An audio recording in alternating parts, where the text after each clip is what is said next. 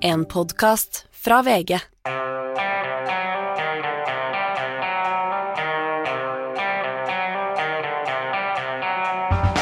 Ikke visste jeg at alle disse dagene som kom og gikk, de var selve uke én. Og det er den ene uka i året hvor eh, jeg ikke trenger å spørre Magne hvilken uke det er. Det er mulig jeg klarer det neste uke òg, så så sklir det hele ut etter hvert, men det er nytt år og nye muligheter. og I morgen er det 13. dag jul, eh, Per Olav? Ja, det er vel eh, Hellige tre konger, det, som vi markerer, er det ikke det? Ja, helt mm. riktig. Jeg trodde egentlig at det var da eh, 13. dags Knud eh, jager julen ut, men, eh, men, så sjekka jeg med Google, og det var ikke det. Det var Hellige tre kongers aften. Mm. Ja. Så har det noen betydning? Er det noe, skal vi forholde oss til dette på noen måte? Nei, men De hellige tre konger er en viktig del av julens symbolikk, eh, tenker jeg. Mm. Jeg skrev om det på julaften til og med, og Roar tegnet til. og han, Den gang så kom det med, med gull og myrra og røkelse. og røkelse.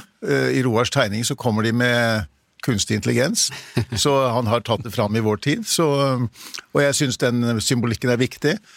I religiøs sammenheng så har det betydning fordi de kom fra kulturkretser som var fjernt fra eh, jødene og fra det landet og den kulturen som Jesus ble født inn i. Eh, så det representerte på en måte den universelle kirke. Da. Ja. ja, det er sterke symboler det, Roar. Vi har jo vi sammen har jo gått opp løypa her, vi rundt Betlehem og der, alt der det skjedde. Det har vi, og det var jo de tre vise menn. Ja kongeaspektet, det er jo tillagt. Øre var veldig nøye på det. Han holdt en sånn liten førjulstale på at uh, det var vise menn og ikke egentlige konger i den tradisjonelle forstand. Ja, og da, da var det jo naturlig å, å, tenke på kunstig intelligens da, som den nye ja. visdommen. ikke sant. ikke sant. Så, ja. Så nå trenger de ikke noe Nå sender de bare en algoritme neste gang en frelser blir født i Ja, det, det omdannes til nye former. Ah, ja. Ok, vi har altså vært i gang siden uh, tirsdag snakket om uh, det meste, men uh, jeg innrømmer dette nesten vegret meg litt for å begynne å ta opp, for jeg syns det er så mørkt, Per Ola, og det er situasjonen mellom Russland og Ukraina. Har vi ikke snakket om denne uka? Nei, og det kunne vi nok gjort, fordi det var jo en veldig dramatisk nyttårshelg i Ukraina, hvor vi så en kraftig opptrapping i luftkrigen. Eh, Russland gjennomførte noen av sine største angrep eh, med missiler og droner mot store ukrainske byer, mot Kiev og mot Kharkiv og Odessa. Bare på én dag så ble 40 mennesker sivile drept i, i Kiev og, og Kharkiv. Eh, og eh, de rammet også eh, sivil infrastruktur, som gjorde at veldig mange, bl.a. i hovedstaden, mistet både strøm og vann, og også gassforsyning. Det er vinter i Ukraina også, og de nærmeste dagene kan temperaturen komme ned i 12-14 grader, så jeg på meldingene nå. Eh, og dette var jo en del av den krigføringen som vi så Russland førte i sist vinter, hvor de jo rammet strømforsyningen eh, for å gjøre livet så vanskelig som overhodet mulig for ukrainerne. Det ser ikke ut som det går veien akkurat nå? Nei, og det jo, dette har jo fortsatt i dagene etter nyttår også. Det har vært en intensivert luftkrig. Eh, situasjonen på bakken er jo relativt fastlåst. Eh, det betyr ikke at det er noe frossenkonflikt, for det er jo harde kamper der hele tiden. Eh, om små landsbyer, og, men det beveger seg ikke veldig mye, eh, frontlinjen. Men eh, det er åpenbart at Russland har forberedt seg på å gjennomføre mer av større missilangrep, større luftangrep, og at det åpenbart er en del av strategien nå. og det nye var jo at uh, USA da sa i går at de også hadde funnet bevis for at uh, Russland hadde tatt i bruk nordkoreanske langtrekkende eh, missiler i krigføringen mot Ukraina. Så hører det også med til historien at i Belgorod, denne russiske grensebyen nær Ukraina, så ble jo 25 mennesker drept tidligere denne uken Og da eh, påsto Russland at dette var side. på russisk side, og Russland påsto at det var et angrep mot sivile. Ukraina sier at de hadde rettet et angrep mot militære mål, så ble noen av disse missilene skutt ned, og det forårsaket skader også i byen. Så der er det jo det er den versjonen av det. Sånn at, men uansett så, har vi, så ser vi at disse angrepene intensiveres nå. Det er ingenting som tyder på at Putin ønsker noe fred, eh, men det er i hvert fall helt åpenbart at Ukraina trenger mer luftforsvar, for det er det de kan bruke for å forsvare seg mot disse eh, angrepene fra Russland. Får de det? De har jo fått eh, en, en hel del, men de bruker også veldig mye, og de trenger åpenbart mye mer i tiden framover. Og jeg tror jo at Vi vet at for eksempel så har vestlige land som støtter Ukraina, lovet én million eh, artillerigranater innen mars eh, i år. De har bare levert omtrent 300 000 av disse nå. Det er, problem med produksjonen av den type våpen, eh, å få opp produksjonen i vestlige land. Slik at man kan beholde, tilstrekkelig avskrekking selv, men samtidig kunne forsyne Ukraina. Så det er et, det er et problem. Og så ser man jo tegn på kanskje, i hvert fall er det det Putin håper på, en sviktende vilje i vestlige land til å støtte Ukraina i det lange løp, da. Nå hørte jeg på nyhetene på NRK i morgen at fortsatt er det Ukraina-konflikten nordmenn leser mest om og søker mest opp øh, i, i mediene. Altså faktisk mer enn øh, konflikten i Midtøsten. Så det er noe som fortsatt engasjerer svært sterkt, i, øh, i hvert fall i Norge og antagelig også i store andre deler av Europa. Det tror jeg er riktig, og så er det fordi at det som skjer i Ukraina Jeg tror kanskje 2024 kommer til å bli et ganske avgjørende år i Ukraina. Klarer Ukraina å stå imot? Klarer de å ta tilbake okkupert land? Eh, Det er fortsatt sånn at det er eh, ikke godt å si hvem som vinner denne krigen, hvis det er noen seierherre her, men det er ingenting som tyder på noen fred med det første. Og hvis ikke Ukraina er i stand til å stå imot og kunne klare å komme tilbake på offensiven, så vil eh, eh, dette også være et nederlag. Ikke bare for Ukraina, men for hele det demokratiske Europa. Det vil jo også stille vår egen sikkerhet da, i enda større fare. Nok av utfordringer i, i året eh, som kommer. Langt mer eh, prosaiske problemer. Eh, det er Denne nyttårshelgen er det 30 år siden Raymond Johansen fikk sitt uh, gjennombrudd som uh, uh, rikspolitiker. Da var han byråd for samferdsel, tror jeg, i Oslo. Det var snøkaos, akkurat som det var denne nyttårshelgen. Og han sto fram, Leif Welhaven, på forsiden av Aftenposten med oppfordringen 'måk sjæl'. Eller måk selv, heter det selvfølgelig i Aftenposten, men jeg kjenner jeg Raymond rett, så tror jeg han sa måk sjæl. Ja, det var vel ikke noe sjakktrekk eh, akkurat eh, med tanke på politisk eh, popularitet. For hvis det er én ting som opptar folk, eh, så er det, sånn, eh, er det når eh, himmelen åpner seg. Og Og når måkebilen kommer. ja, når måkebilen kommer, og det er jo interessant hvordan uansett hvor mye viktig og fælt som finnes der ute i verden, så er det noe som skjer det øyeblikket vi snør inne. Da er det det fryktelig mange mennesker snakker om. Og normalt så er jo liksom eksempel altså trafikkforhold i Agder et relativt lokalt interesseområde, men nå har altså hele landet sittet og fulgt med på samferdselen på Sørlandet mer eller mindre minutt for minutt. Og så er det, jeg synes det er litt fascinerende, vi liker veldig godt sånn nå, nå har det falt snø i London, da blir alt helt kaos for disse engelskmennene, de er ikke vant til snø videre. Men det skal ikke så veldig mye snø til i Norge før, altså snø er et problem når det kommer øh, i store mengder, selv om vi er for oss som øh, burde være vant til det. Definitivt. Altså er det noe litt sånn sosialt interessant med det, å se hvilke mekanismer som, altså som fremtrer, på hvordan vi liksom håndterer det når vi får et sånn stort felles problem. Hva ordner vi selv, hva ordner naboen, og hva forventer vi bare at liksom, den, den- store offentlighet skal ordne opp eh, for oss? Og der er det interessant å studere liksom, hvordan ulike mennesketyper eh, håndterer det, og det har jeg da skrevet om denne uken. Ja, og hvilke mennesketyper har du da grovt, hvis du skal være, lage altså, noen grove stereotypier? Ja, så kan du i hvert fall dele det inn i sånn seks-sju seks-sju arketyper som dukker opp uh, år etter år, og de som er heldige, er jo de som måtte har idealmåkeren. Han, uh, gjerne en mann som, som, har investert i den beste snøfreseren og bare koser seg med å knuse naturkreftene ved hjelp av, uh, av, maskinen han eier, og som gjerne deler av både sin kunnskap og sin måkekraft både her og der. Og bare sprer alt over til naboen. Ja, men det, han, og det, det er liksom litt en annen så er det én igjen, da. Han som er tidligst ute og bare gir alt til naboen umiddelbart, og bare skal ha seg, seg selv og sitt. Så er det han som er, er så ivrig at han begynner klokka, klokka et eller annet om morgenen før hanen galer, eller om det kommer to centimeter snø, som kan være fryktelig irriterende. Så har du liksom de som sluntrer unna, de som har en halv brukket snømåkehatten og hatt den i ti år og bruker den tre ganger og ikke klarer å organisere noe som helst. Du har de som mener at alt skal gjøres i Gerhardsens ånd, med at vi gjør alt eh, i fellesskap, og de som bare klager på myndighetene konstant.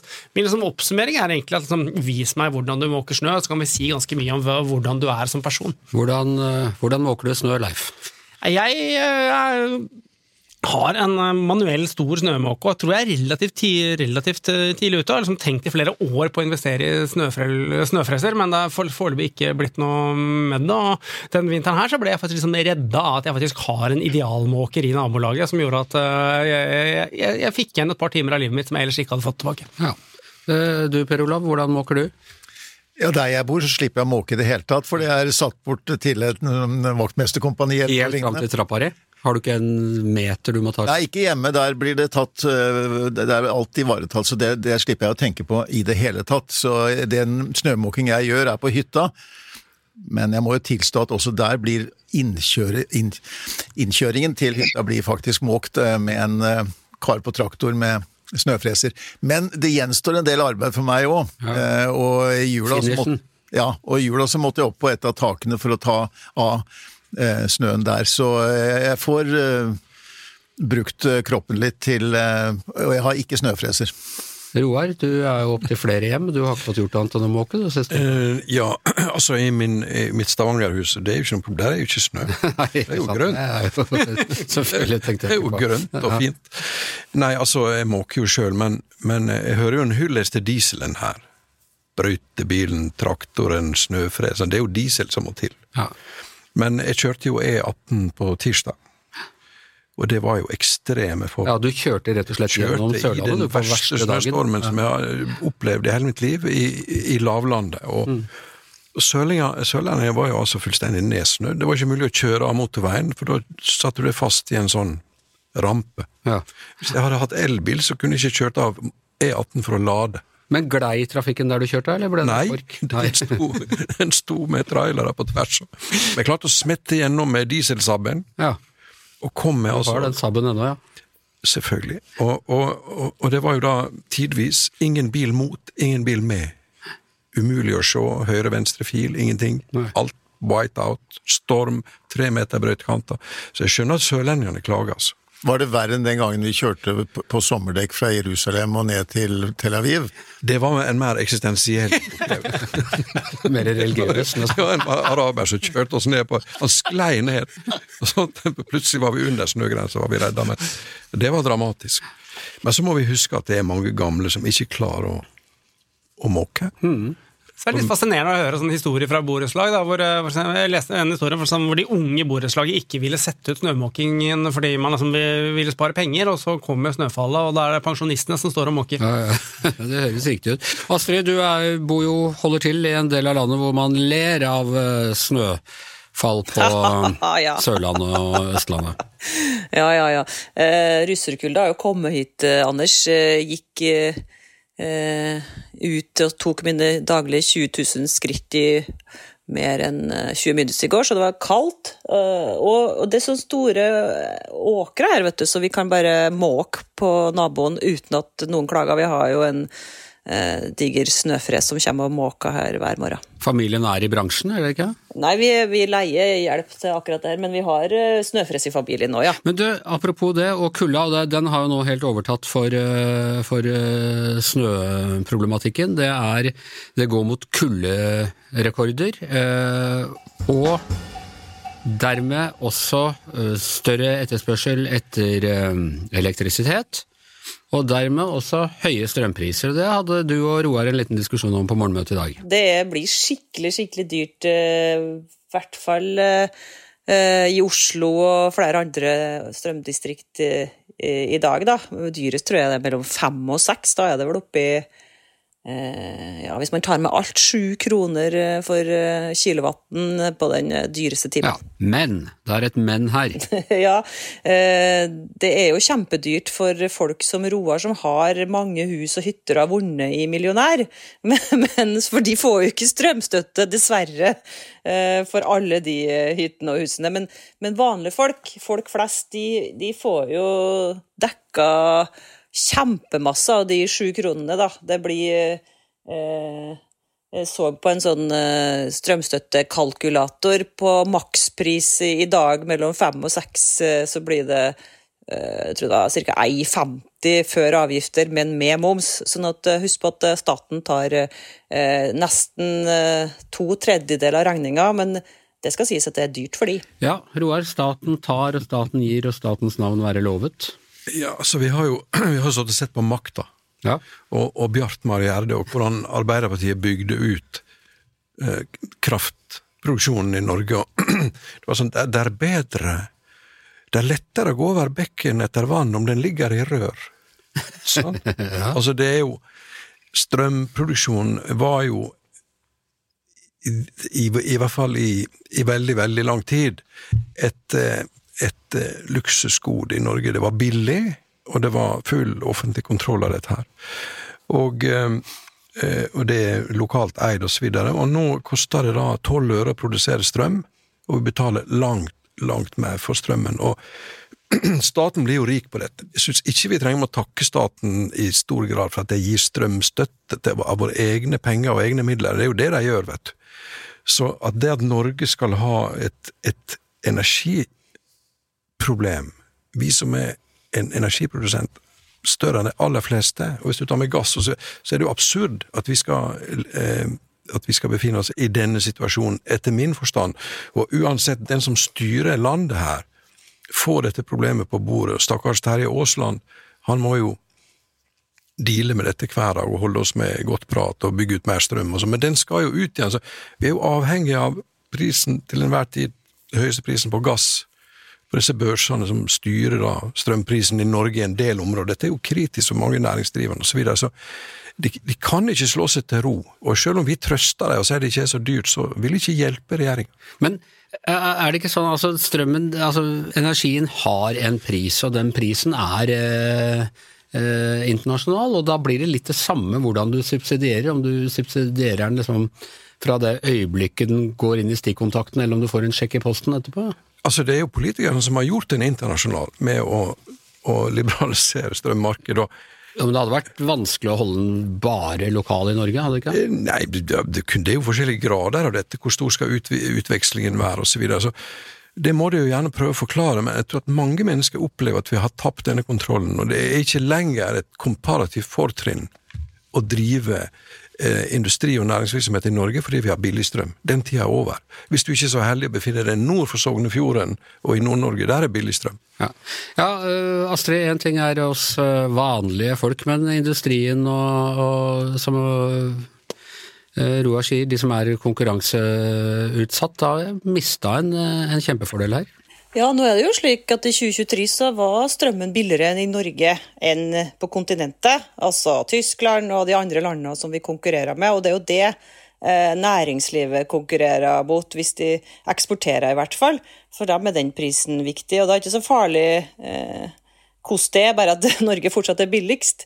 Eh, men Roar har jo selvfølgelig helt rett i at bakere i Norge, eh, transport masse som krever energi, blir kjempedyrt. og eh, Jeg tror at Nord-Norge òg står for fall her, altså. Nå har jo Nord-Norge og Trøndelag, der eh, jeg bor, eller eh, Midt-Norge, da, hatt veldig billig strøm de to siste åra i forhold til, til, til, lenger sør. Men nå begynner jo øh, magasinene oppi her å bli virkelig skrantende, så vi kan godt få enda dyrere strøm enn eh, vi har hatt før, like dyrt som i sør. Og akkurat nå da, så er jo den gode nyheten for Roar at, eh, den lave, at eh, der han kommer fra, i Stavanger, så er jo strømprisene forunderlig nok blitt lavere enn i Oslo. Så det forandrer seg litt eh, fra dag til dag, det her. Han kommer ikke fra Stavanger, han kommer fra Sunnmøre, men han er Der godt er- gift i Stavanger. På Sunnmøre er det jo da fortsatt eh, ganske billig.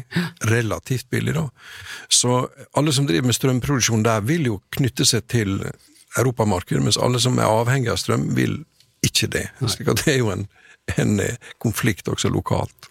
Men alt i alt, hvordan, altså, i forhold til i fjor, hvordan ligger vi an på årsgjennomsnittet på pris, Astrid? Nei, altså Nå er det bare 5. januar, da, så det er litt vanskelig å si. Det er egentlig forfjor, altså. ja, jeg tror det blir eh, Oppsummert, eh, hvis vi skal tippe, så tror jeg det blir billigere i, i år enn det var i fjor. Og så tror jeg eh, er tapt for Roar og hans gjeng, som ønska seg en eh, omlegging av strømsystemet. Fordi eh, det har altså overlevd strømpriser som er langt høyere enn i dag. Det var jo forferdelig høye strømpriser i august i fjor, ikke sant? Eller forfjor òg. Så det har overlevd det her eh, ja, liberaliserte kraftsystemet gjennom enda verre kriser enn vi har nå. Så jeg tror den kampen er tapt. Det er ikke så lett som alle kritikerne sier for regjeringa, bare snu opp ned på det her på et eh, år eller et, eh, en måned og begynner plutselig å bestemme at prisen skal koste 12 øre kilowattimen. Det går selvfølgelig ikke. Da vil jo da vil det bli tomt for strøm. Da vil jo Roar sette på i alle de sekundærboligene sine, og det Jeg tror blir ikke jo det går an å reversere, det, er, jo ikke, det er jo ikke det jeg mener. Jeg bare sier at så lenge politikerne har gitt fra seg kontrollen, så, så har de et kronisk problem. Og spesielt rammer det den som da sitter i regjering, og nå er jo det Aasland som skal, skal, fighte dette, som, som er helt uskyldig i, i, i forspillet til denne strømkrisa. Så jeg tror ikke at, eh, at regjeringen klarer å å vri seg unna denne, denne kostnaden, den politiske kostnaden. Så dette vil bli, jeg tror det blir årets sak, altså. I hvert fall nasjonalt. Ja, Det gjelder jo alle regjeringer av alle typer farger. da. De har jo støtta dette systemet, både borgerlig side og Arbeiderpartiet og gjengen, så det er jo ikke så mange som vil noe annet. Jeg tror ikke det går an, selv om det koster politisk, det er du helt riktig. Men det som er problemet til kritikerne, er at de har jo ikke noe godt alternativ å bringe til torgs. Det finnes ikke noen som har noen gode løsninger, så langt jeg har sett, som er noe quick fix på det her. Er vi ikke nå inne i en periode hvor vi må importere strøm, nettopp fordi det er så tørt og kaldt her hjemme? Det er jo klart, vi må importere strøm hvis vi skal elektrifisere absolutt alt ute på havet. sant? Det er jo klart vi må importere. Jeg har faktisk elektrifisert vottene mine Ja, eh, i år. Jeg bestilte elektriske votter på, på Litt skuffende, må jeg si. Det er eh, Det neste blir elektrisk undertøy og sånne jeg tror jeg gensere. finnes og elektriske sånne sko og, eller sokker og Ja, ja, i ja. det hele tatt. Så Jeg har elektriske sandaler, Anders. Det, eller sandaler, hva heter det for noe? Sånne ting du putter inn i, s- inn, det er kjemperart, men sånn du putter inn i skoen. ja, såler. såler, ja. Elektriske såler. Det er godt å ha noe når det er mer enn 20 Sommeren så skal jeg ha meg elektrisk hawaiiskjorte, tror jeg, for å virkelig bli god Med, kjø, med med kjøler. med, med kjøling. Men elsparkesyklene får stå litt i fred nå om dagen. Ja, ja, de ligger og blinker hjelpeløst i, i snøfonnet opp igjennom. Ok, denne debatten tror jeg vi skal ha eh, flere ganger. Vi har den nesten daglig på, på leder- og kommentaravdelingen i VG. Alltid lett å være enig med siste taler der, for både Roar og Astrid er godt opplest på dette her, så, så sånn er det. Astrid, en annen sak denne uka som vi har hatt en diskusjon om. Er det egentlig en sak? Det har kommet en ny liste over den avdøde mangemilliardæren Jeffrey Epsteins Ja, hva er det egentlig? Gjestelista hans? Altså folk han har hatt om bord på flyet sitt og på selskapene sine? Ja. Okay. Nei. det er litt kjedelig, da. Men altså, det, det blir presentert som eh, Epstein-lista. Men det er altså da frigitte vitnemål som mange av de påståtte ofra for Epstein og kanskje noen av oss venner har gitt til, til retten, som nå er frigitt av en dommer i New York. Og det kommer suksessivt. altså Det kom eh, fra onsdag, begynte det å komme. 40 dokumenter kanskje, så er det 200-300 til sammen. Så det kommer utover eh, Det fortsetter i neste uke å bli frigitt eh, på, Ja, på nett. da. Og hva har, altså, det er mye snakk om Bill Clinton og Donald Trump. Ja. Er det kommet noe Ja. på dem som er uh, verdt å få med seg? Det, det, du har helt rett i det du sa i innledningen, at det, det er ikke så mange nye ting. fordi at uh, mange av de her ofra, kvinnene, har jo stilt opp i media og fortalt eh, masse tidligere, og det er jo det samme som de har fortalt til retten delvis. Eh, så det er lite nytt, men det gir jo nye detaljer eh, i Epstein-saken, som er en utrolig sak. Han var jo av ukjent grunn milliardær, han hadde vel ikke college engang. Og han var dømt for overgrep allerede i 2008. Uh, og likevel, da, etter at han kom ut fra fengselet, så fortsatte han å henge med Donald Trump, Bill Clinton, prins Andrew. Han var til og med i møte med Mette-Marit flere ganger. Det var vel mellom 2011 og 2013. Uh, han var altså så populær, har så mange fester. Han hadde egen øy der han flydde sine sexslaver til, som var underaged teenage girls. da. Um, altså tenåringer under den seksuelle lavalder? Ja, mange var i hvert fall ung. Jeg vet ikke hva den seksuelle lavalderen er i USA. Men uh, det at han har så mange venner, til tross for at han var overgrepsdømt, det gjorde han jo i stand til å fortsette med de her overgrepene helt fram til han ble fengsla i 2019, og tok altså livet sitt på cella før han ble dømt for de nye anklagene. da. Eh, men her er det altså snakk om eh, flere jenter som forteller om hvordan det var, om eh, fester, og møter i privatleiligheten i Manhattan, og detaljer fra hans liv. Han inviterte jo mange av de her hjem til seg, og en del av dem da påsto jo at de ble tilbudt til vennene hans, og annet prins Andrew, som har nekta for det, da, men har inngått et forlik privat med hovedofferet i saken. Men alt dette har vi jo kjent til en stund. Og er det sånn at man hadde forventet at det skulle komme noe mer nå, eller har vi egentlig visst hele tida at, at, det egentlig ikke kom noe mer? Nei, dommeren som frigjør de her papirene etter hvert da, som dagene går. Hun har jo sagt at grunnen til at det blir frigjort, er at de fleste har snakka allerede, og det er kjent, sånn at det ikke blir noe ekstra belastning for dem. Så er det fortsatt en del navn som ble holdt hemmelig i disse dokumentene. Det er Jane Does, altså eh, anonymiserte kvinner, og det er fordi at de ikke har søkt oppmerksomhet sjøl, og da fortsetter dommeren å eh, holde navnene deres hemmelig. Da. Det, Eh, det er jo bl.a. en eh, svensk kvinne som var massøren og påstod at er offer for Epstein, som heter for Johanna Sjøgre Berg, sitt vitnemål, som har blitt kjent i løpet av de siste dagene. Hun har fortalt under ed at eh, prins Andrew tok på henne på brystet i 2001, og hun vitna om at Epstein skrøt av at han kjente Bill Clinton, tidligere presidenten i USA, og at Bill Clinton skal ha likt jentene unge. Eh, og så er det òg flere detaljer fra vitnemålet til eh, den eh, mest kjente, det mest kjente offeret, Virginia Greffrey, som, som, forteller mer om at hun ble tilbudt og tvunget til sex med flere av vennene til, til Epstein.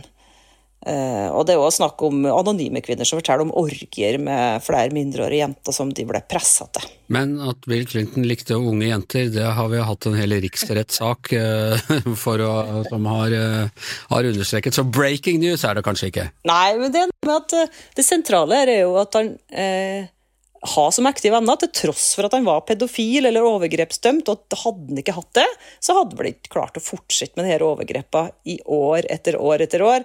Eh, og fikk eh, flydd de her jentene på sin private øy og ha store fester. og Det er mange som skjemmes, også nordmenn, for at de har eh, vært venner eller omgåttes Jeffrey Epstein lenge etter at det ble kjent i media at han Eh, var overgrepsdømt. Per Olav, dette vet vi jo er eh, Dette er virkelig bensin på bålet i all type kulturkrig. Pedofili. Eh, påstander om pedofili.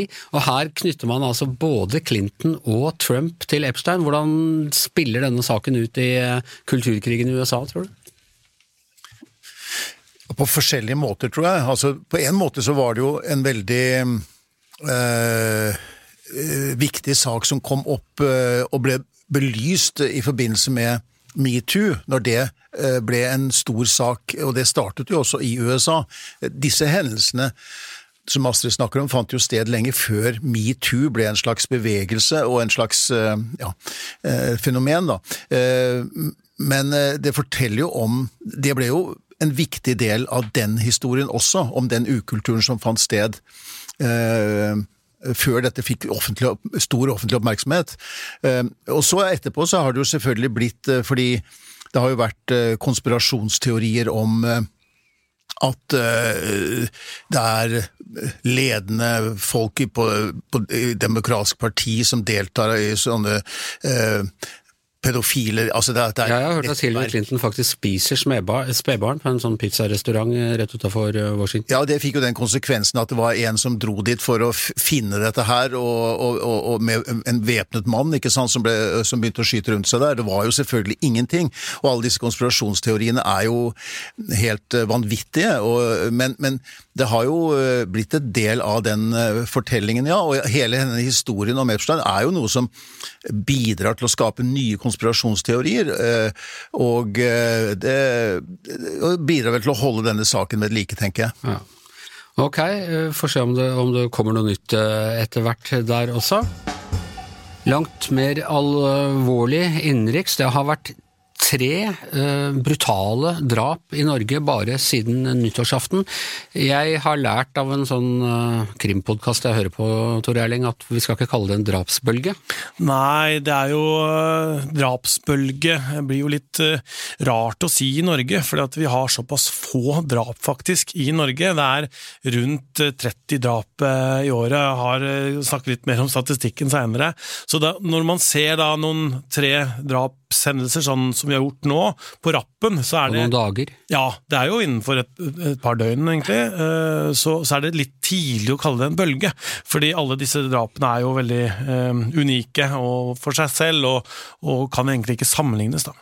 Men øh, ganske brutale og, spesielle og vonde drap. Altså alle drap er selvfølgelig vonde, men, men øh, de skiller seg ut øh, fra Ja, det er, eh, det er tre svært eh, alvorlige og tragiske hendelser. Ikke sant? I, I Nordland, i Sørfold, så er det jo da en eh, 19 år gammel gutt eller mann som, som da eh, har drept eh, sin egen mor og sin egen stefar og skada sin egen eh, halvsøster, og så drept seg sjøl. Eh, og, det samme i, Elverum, hvor en eh, kvinne som har følt seg trua eh, over lang tid og anmeldt denne mannen flere ganger, og han har hatt besøksforbud osv. Eh, politiet mener jo da at han eh, drepte henne, før han eh, også sjøl døde av de skadene. Også nå i Stavern, hvor det er en del eh, utvikling, for der har jo politiet trodd at en dame har eh, drept en mann, eh, som de, de fant i en bolig der, men nå er den mistanken svekka, og de mener kanskje at da han kan ha drept henne også, at hun nå Det er derfor hun er borte, da. Eh, så, så der er det en utvikling, da. Ja. Dere hadde en øh, episode om dette som ble sluppet i går. Ja, vi i Krimpodden dekker jo dette her eh, løpende, ikke sant? sånn at den episoden vi slapp i går eh, er jo på en måte allerede litt gammel, for det skjer jo noe i disse sakene, men vi følger jo dette opp, ikke sant? sånn at man kan jo følge med eh, disse sakene ved å høre på Krimpodden. Eh, men jeg, tenkte jeg skulle nevne noen sånne tall her, For eh, jeg sa det var rundt 30 drap i Norge i året, og det er ganske sånn jevnt tall. Det var jo da i 2011, det var mye høyere pga. Breivik-saken, men sånn rundt regna så er det rundt 30. I fjor så skriver NTB at det var 36 ofre, eh, mot eh, 29 ofre eh, året før. Eh, men selv om det er på en måte syv ofre mer, så kan vi ikke si at det er en, øh, en oppgang eller en tendens fordi det er så få. sånn at eh, Statistisk så blir det vanskelig å se på dette her. da. Ja. Du, det er en mørk sak på gang som dere har neste uke òg. Ja, eh, Anders Behring Breivik har jo da saksøkt eh, staten igjen eh, for sine soningsforhold, så det er en sivilrettssak som vi skal dekke. Og så er det denne eh, ganske sånn eh, alvorlige og oppsiktsvekkende korrupsjonssaken mot eh, den tidligere skiskytterpresidenten Anders Besseberg, som skal gå i retten i Hokksund til uka. Og det er jo satt av ganske lang tid og ganske mange vitner der, blant annet en russisk varsler da, som skal inn og vitne i den saken. her. Og der har vi jo en podkast ute som vi, vi kan anbefale. Vi anbefaler Skandalepresidenten ja, eh, på Podme for de som vil sette seg inn i denne ganske eldre. Hvis du begynner å høre på den, da kommer du til å følge den saken når den starter. Ja, det vil jeg tro. er Skikkelig spennende. Det går mot slutten, men ikke slutten på denne uka, for i morgen har vi premiere, Gard. Det har vi, Anders. Eh, endelig, får vi si, så skal, vi, eh, så skal ikke vi bare holde på på slutten av ditt eh, show, fredagsshow. Nå skal vi Nå får vi vår egen podkast. Det blir helt nydelig. Ja, det blir helt fantastisk. Vi hadde jo nå, rett før jul, så utlyste vi jo na- navnkonkurranse, og da hadde jo jeg et forslag, og så hadde du et forslag, og så ba vi lytterne komme med forslag. Det er helt riktig. Ja. Og så har vi falt ned på mitt forslag. vi har falt ned på Jeg mitt syns du skal ta det som en seier, jeg, eh, Anders. Jeg prøvde meg, men jeg, og jeg brukte heller ikke redaktørmyndigheten her. Jeg Det var nettopp det. det. Jo, det la jeg veldig, veldig godt eh, merke til. Jeg vil si at jeg, jeg hadde Magne Antonsen i ryggen her òg, så vi, vi var jo to stykker. Men du sa at dette legger jeg meg egentlig ikke opp i. Så eh, da blir det altså mediebobler. Eh, og det var jo mange av lytterne som var godt fornøyd med mediebobler og foreslo eh, mediebobler. Og jeg bare trakk ut én tilfeldig av dem. Eh, Anne Hopland hun foreslo mediebobler og vinner da en kopp på det. Men vi må jo trekke andre vinnere også. Det må vi gjøre. Er det jeg som skal trekke? Da skal du trekke, så at dette blir, går riktig for seg. Ok, ja, men her nå skal jeg rote ned i denne haugen av papirer. Og da trekker vi opp denne. Skal vi ta på briller og alt mulig her. Her står det Karsten Gundersen. Og forslaget til Karsten Gundersen var Bobla. Bobla. Ja, Bobla. Ja, det var da- det var nære på. Ja. innenfor, vil jeg si. Jeg vil si, det var, jo, det var jo mange fancy eh, forslag. Et av dem var Gard og Gubben. Det, det så jeg faktisk ikke. Det var Nei, og så var det mange som gikk på, på ditt navn. Gard uten gard. Eller, eller Gard uten gard. Ja. Annen Gard. Og eh, Steiro i stereo. Så Dette er jo eh, ungdomsskolen eh, opp igjen. Ja, Gardermoen og uh, Angard og alt dette. der, Det, ja. ja, Det er litt sånn Anders Jævel. Det. det var også folk som hadde mer sånn Elfenbenstårnet, Navlebeskuerne. Espen Olsen, vår gamle kollega som nå er i NRK, foreslo Beavis og Butthead. Det var et av de bedre. Ja, altså Det var useriøst fra NRK. Altså. Men eh, ok, i morgen er vi på med uh, mediebobler, og da har vi en helt spesiell gjest, nemlig Simon Valvik. Ja, og hvem er Simon Valvik? Han er manager for uh, sjaman Durek Verret. Vi- Som har kritisert mediene heftig denne uken. Han er mediekritisk, Durek Verrett, og vi skal prøve å komme litt mer bak den kritikken. eh, Hva det er som eh, plager ham med norske medier, og er det noe vi bør eh, ta inn over oss. Det blir eh, interessant. Viktig i hvert fall å lytte til den kritikken, tenker jeg. Det er jo en uh, sjaman som står i mye storm, så når han reagerer, så skal vi i hvert fall ta oss tid til å høre hva han har å si. Og den kritikken kan dere også lytte til i morgen. Eh, Når legger vi ut dette her, Magne? Lørdag klokka sju på morgenen, så stå, sett klokka på halv sju og brygg deg en kopp kaffe, og kjør på med mediebobler. Helt på tampen, eh, vi er, i og med at mediebobler nå er, blir en egen podkast, så er vi tilbake til litt vårt eh, gamle format, og jeg tenkte vi skulle ta opp en gammel spalte, nemlig helgetips, kulturtips, fritidstips, eh, hva man kan bruke helgen på, rådgitt av eh, denne gjengen som sitter her, og jeg vet i hvert fall du, Leif, du har en eh, du har kanskje det største tipset denne helgen? Ja, altså Det er en tradisjon. eh, Den første helgen i det nye året så skal eh, norsk idrett eh, feire seg selv. Idrettsgallaen, som i år går i Trondheim, som da rett og slett handler om eh, å kåre de beste av eh, de beste i, i året som har gått. Og gitt det nivået vi faktisk nå har på våre største idrettsstjerner, så er det jo interessant å se hvem som faktisk når eh, helt opp i de ulike klassene. Og det er det som egentlig er det nærmeste vi i Norge har en Oscar-utdeling. Jeg mener sånn eh, Amanda og sånne ting er ikke, er ikke helt på dette nivået. Ja, det er noe Jeg har vært til stede der flere ganger, og det er noe Altså, en schwung over det hele. Og så er det en sånn årlig snakkis at uh, den ene og den andre og den tredje er kjempesure på juryen. Duket for og- uenighet. Så stort sett så snakker vi i etterkant mer om hvem som ikke vant, enn hvem som faktisk vant. Ja. Hvem er dine favoritter? Altså, eh, det, det mest spennende er jo Haaland eller eh, Hovland i eh, når det gjelder årets mannlige utøver, så er det veldig spennende knyttet til hvem som får hedersprisen, som jeg var veldig kritisk til at Johan Kaggestad, som er alvorlig syk, ikke fikk i fjor. Og heldigvis så lever han fortsatt, så jeg håper veldig at juryen kjenner sin besøkelsestid, og at ridder Kaggestad får den hyllesten han til de grader fortjener eh, på lørdag kveld. Ok, Per Olav, ditt tips?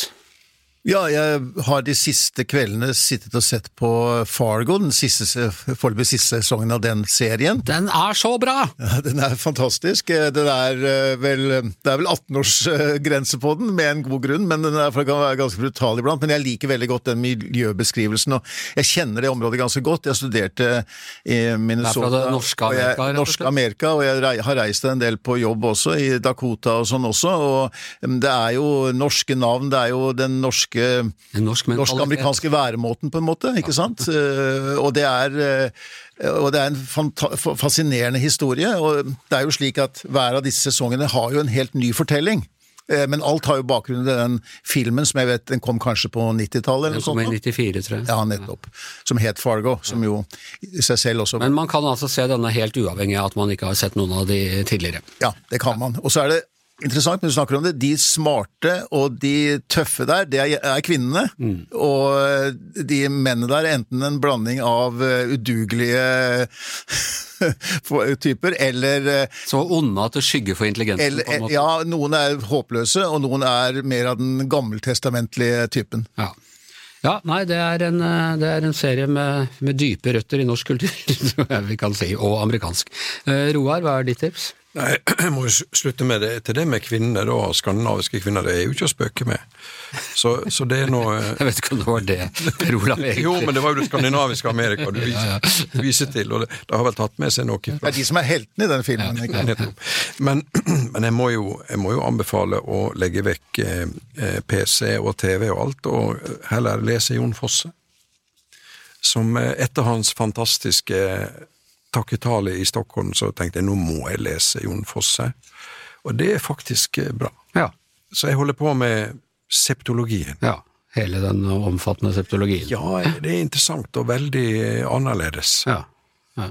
Så det er mitt råd. Ja, jeg var innom og prøvde å skulle låne meg noen foster på biblioteket bare ved den digitale lånetjenesten, det kunne jeg bare glemme, der var det lange ventelister nå, så Ja. ingen skal si at ikke den nobelprisen har eh, For jeg tror ikke han var vanskeligst å få lånt på biblioteket inntil i fjor høst.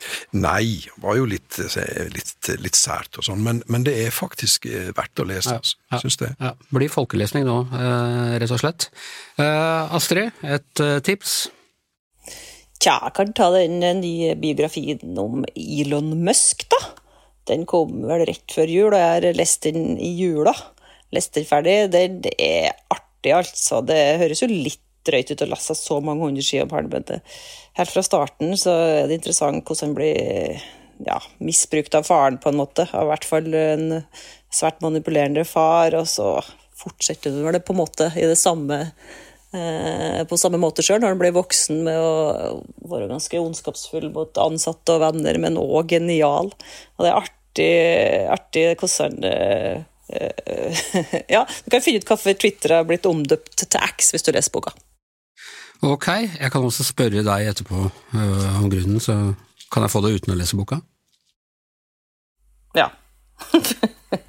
Ok, eh, et tips fra meg også, og det er hvis man har sett denne serien som heter Slow Horses, som nå har gått i sin tredje sesong, som er om sånne eh, engelske spioner som har eh, dummet seg ut, og de blir sendt i en slags fryseboks av et eget byrå som eh, eh, i Slow House, eh, og der kjemper de liksom for sin eh, yrkeskarriere, de blir bare sagt arkivering og sånne kjedelige oppdrag, men så skjer det selvfølgelig noe i hver sesong som eh, gjør at vi opplever mer action enn de, de fleste av oss. Også en av mine favoritter, Anders. Ja, det der- der er vi like Ja, jeg liker både bøkene og serien. Selv når jeg har lest bøkene, syns jeg det er gøy å se serien.